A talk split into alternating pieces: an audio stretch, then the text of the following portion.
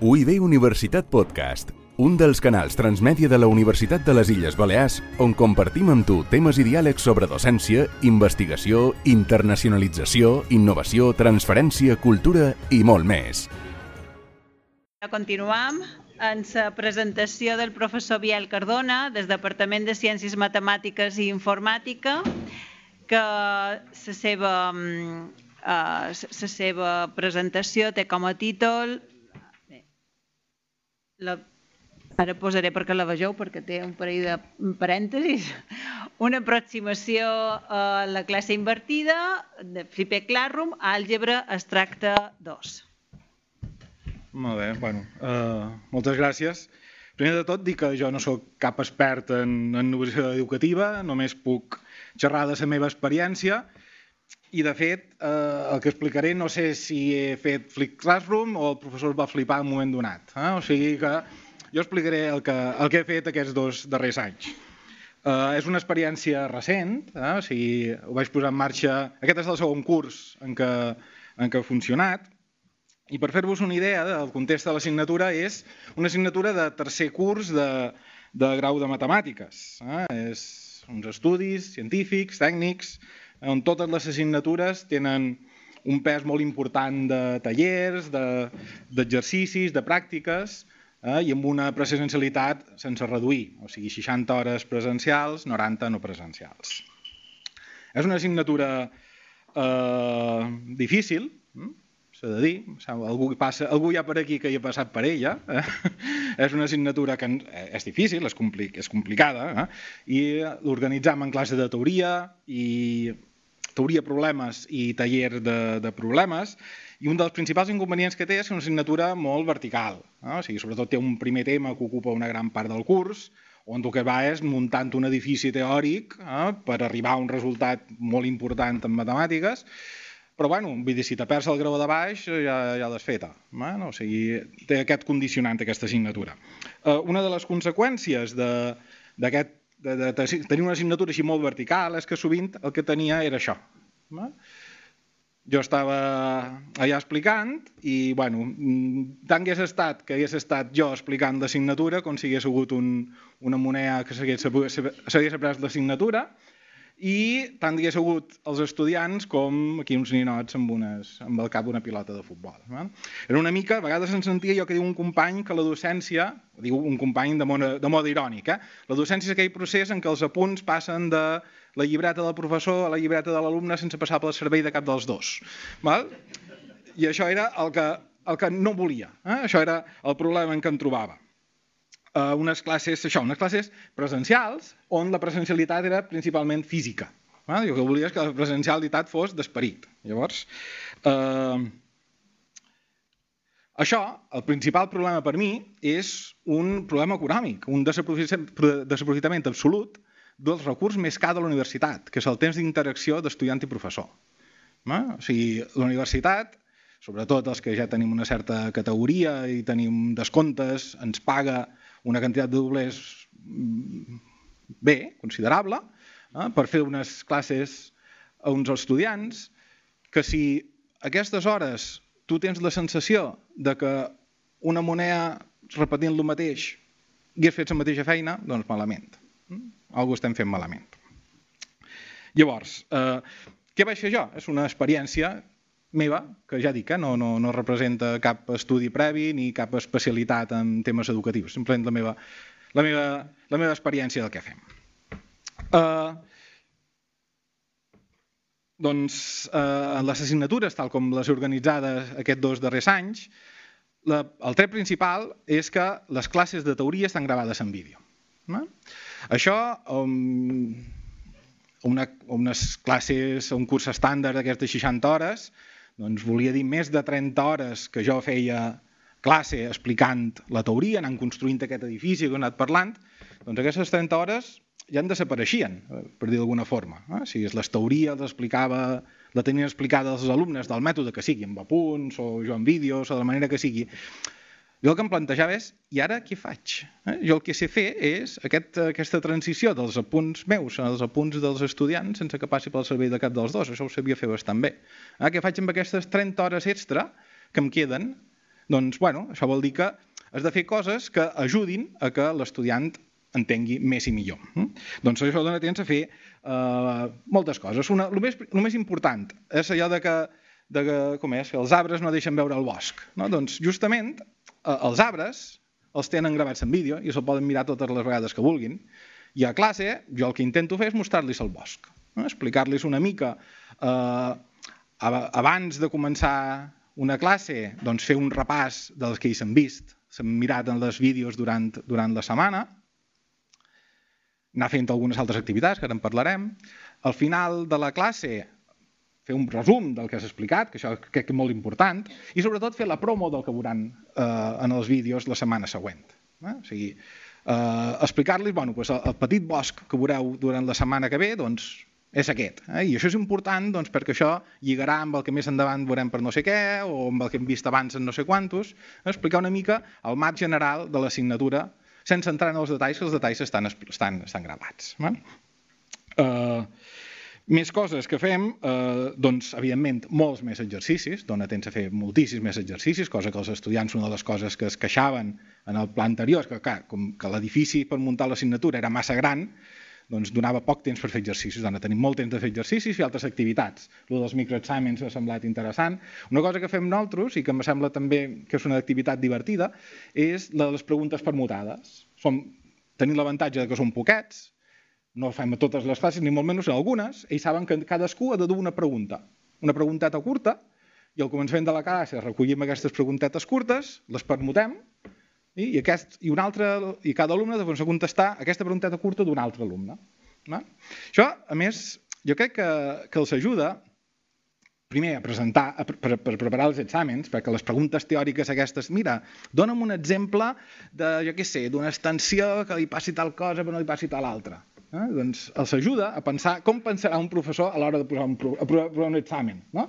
Ha de buscar alguna pregunta teòrica que no estigui directament en els apunts, però que es pugui deduir de manera més o menys directa del que hi ha en els apunts. No? I això els ajuda, crec jo, a pensar, i a més a més que els ajuda a estar al dia, perquè sap, saben que aquesta cosa, evidentment, és, és, és avaluativa, els fa pensar mentre se la preparen i, a més a més, han d'aprendre alguna cosa perquè després hauran de contestar. Es fan aquest tipus d'activitats. Eh? Igual l'any que ve provo els microexàmens, no sé.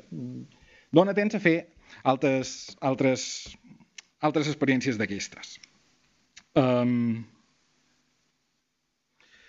una mica per explicar-vos com funcionem, doncs, ells a la seva pàgina de, de aula digital, per cert, aula digital, UIB digital, hem de canviar de nom. Ells tenen una planificació setmanal, no sé si, bueno, indica, bueno, tenen una, la planificació setmanal i uns, uns enllaços als vídeos. La planificació setmanal doncs, simplement és la manera que em va ser més còmode a mi, un document a Google Docs, amb una graella on cada dia doncs, ells saben què farem en aquella classe. Eh? Per exemple, ells saben que per la classe del dia 19 de setembre doncs s'havien d'haver estudiat, llegit, perdó, vist i, i entès els vídeos de l'1 al 12 i que això de temps de playback els hi correspondria 52 minuts. Evidentment, si un s'ho entén a la primera són 52 minuts, se suposa que hauran de veure dues o més vegades cadascun dels vídeos per acabar d'entendre ben entès. Eh? Però bueno, saben que ocup, quant, quant de temps ocuparà això. Eh? Després, eh, els vídeos estan a un lloc públic per tothom qui vulgui accedir-hi, tenen l'enllaç eh, i estan penjats a un Google Drive, de manera que ells se poden veure'ls allà en directe o se'ls poden eh, descarregar i tenir-los a l'ordinador, el que sigui. I bueno, per fer-vos una idea de com és això, eh, on tinc això?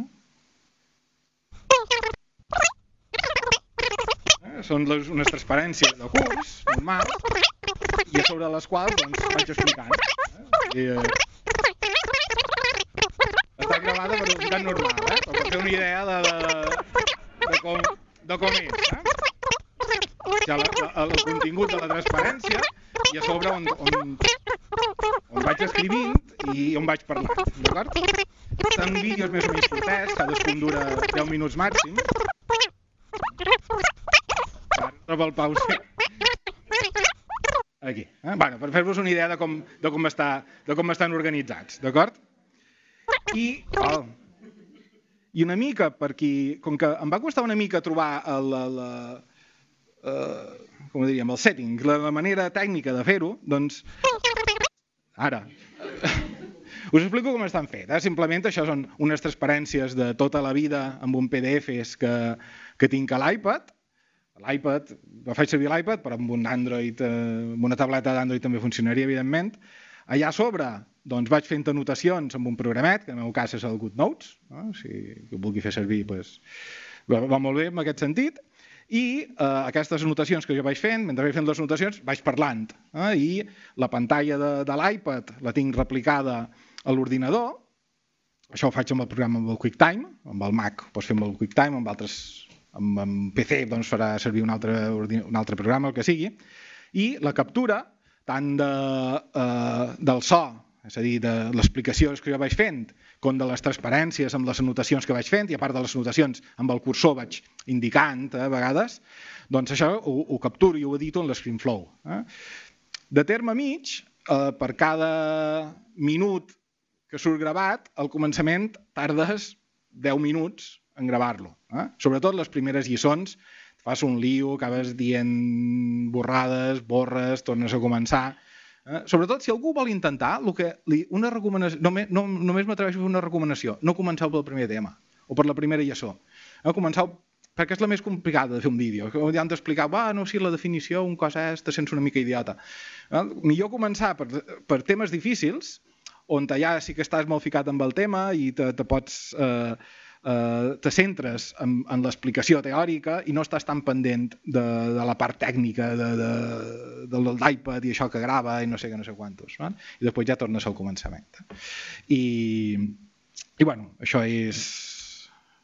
Ah, i una mica, un petit comentari sobre els resultats. Eh? Una és, en els rendiments hi ha una millora, però baixa en, el, en els rendiments dels estudiants, més aprovats, de totes formes, és difícil d'avaluar perquè és una assignatura de tercer curs d'un matemàtiques, vol dir, hi ha pocs alumnes, però jo sí tinc la sensació de que els que han aprovat han aprovat sabent només, eh? que potser és tan important com és que, que aprovar. Eh? O sigui, els que aproven, aproven sabent més eh, d'àlgebra, i una sí millora, això sí que ho he trobat, una millora molt alta en els índexos de satisfacció. Eh? O sigui, els alumnes, aquesta manera de fer eh, els ha donat, doncs, per exemple, la sensació de que si es perdien al començament ja no perdien el tren. No? O sigui, una assignatura com aquesta que dic, que, té, que, és, que és molt vertical, si els, per lo que sigui les dues primeres setmanes un alumne no s'hi dedicava, la tercera no en tenia res. Aquí, doncs, bueno, doncs, si te perds, doncs, vaig una mica més retrasat d'anar veient vídeos, però puc anar seguint, puc anar seguint millor.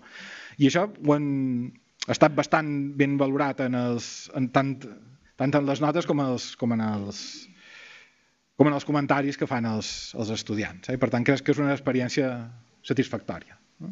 Definitiva no, eh? però crec que una mica li és el que deia Santi, anar canviant, perquè si no t'avorreixes. Eh? Evidentment, la primera vegada que explicava aquesta assignatura en pissarra m'ho passava superbé, perquè la primera vegada havia fet els apunts, havia fet les transparències i tu passes bé, però ja quan fas 5 anys que expliques el mateix, ho has de canviar una mica perquè si no t'avorreixes. I crec que és important divertir-nos. I bueno, això era... Aquesta és la meva experiència.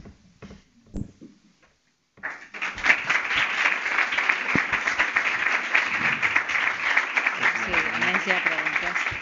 Moltes gràcies, Biel. No sé si hi ha preguntes. Sí. Aquí, a veure, aquí, aquí hi ha un micro. Aquí hi ha un micro.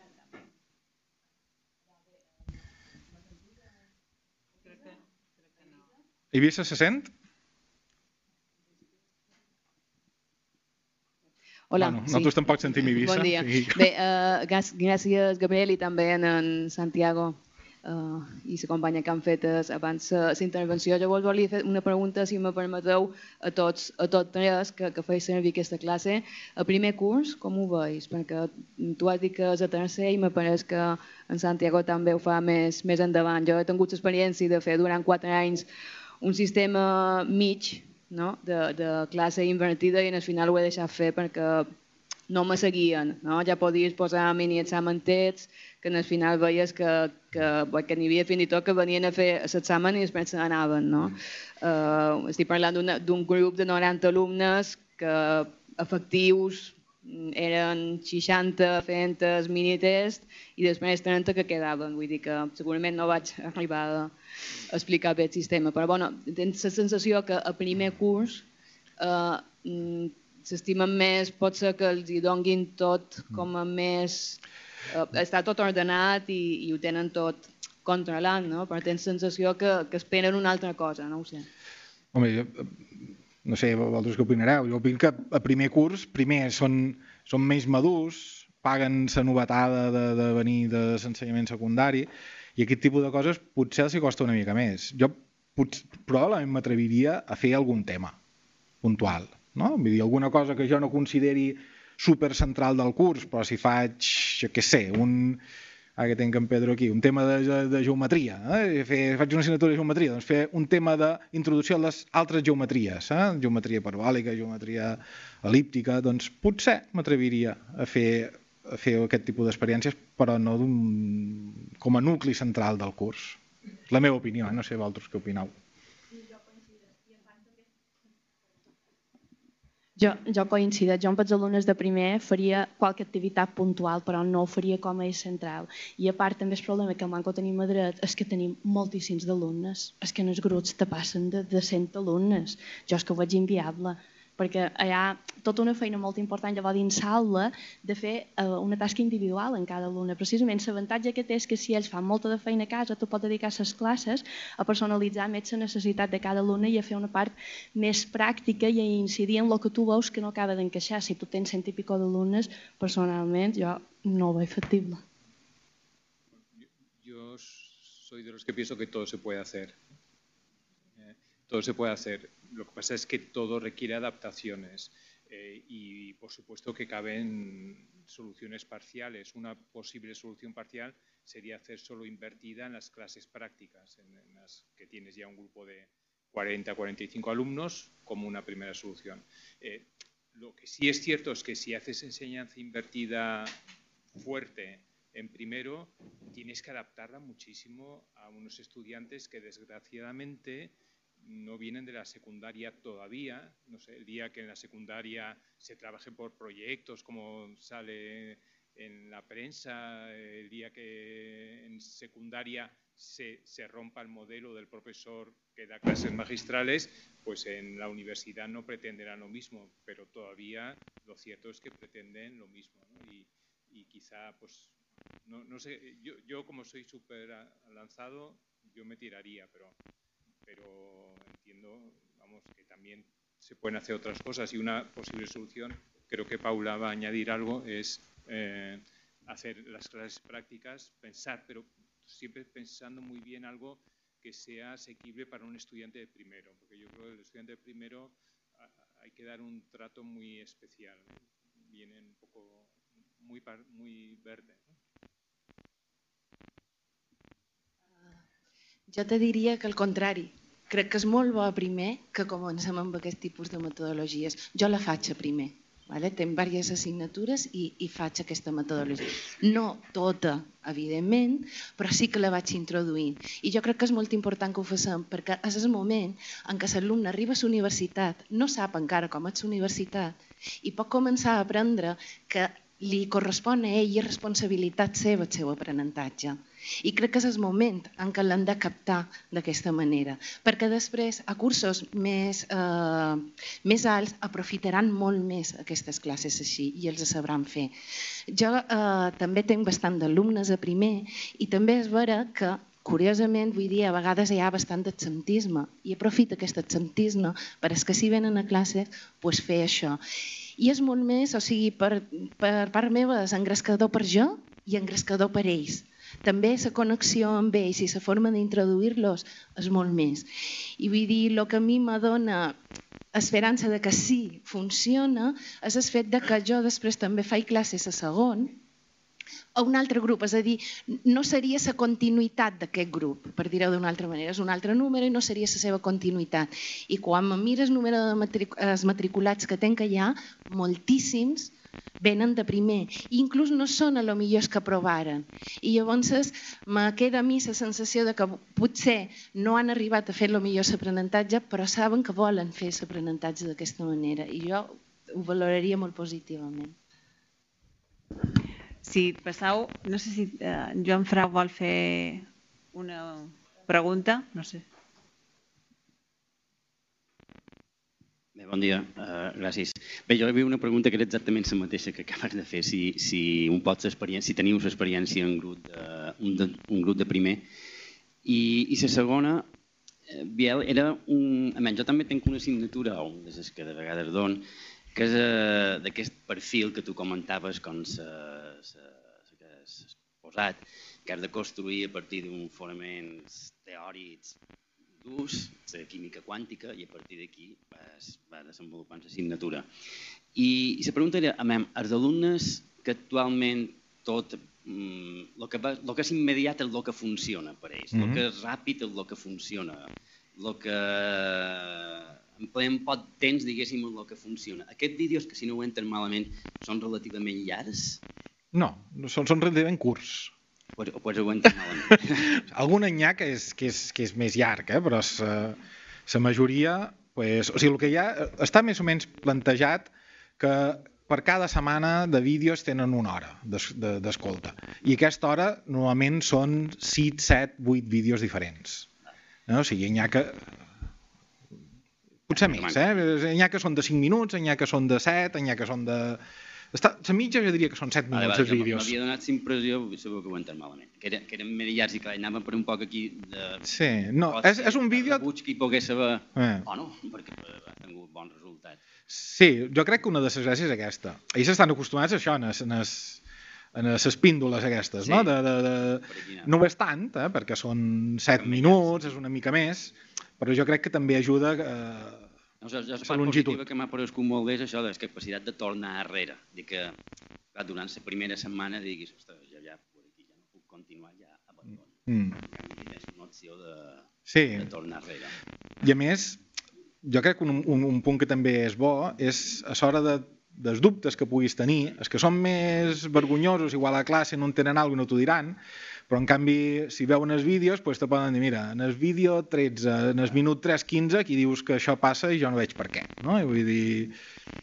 Eh, sí, sí, sí, sí. Aquesta manera de, de poder revisitar les classes, jo crec que és positiva tant des punt de vista de que ho puguin escoltar diverses vegades per entendre-ho millor, com per mm, poder identificar aquelles coses que no entenen i poder donar respostes.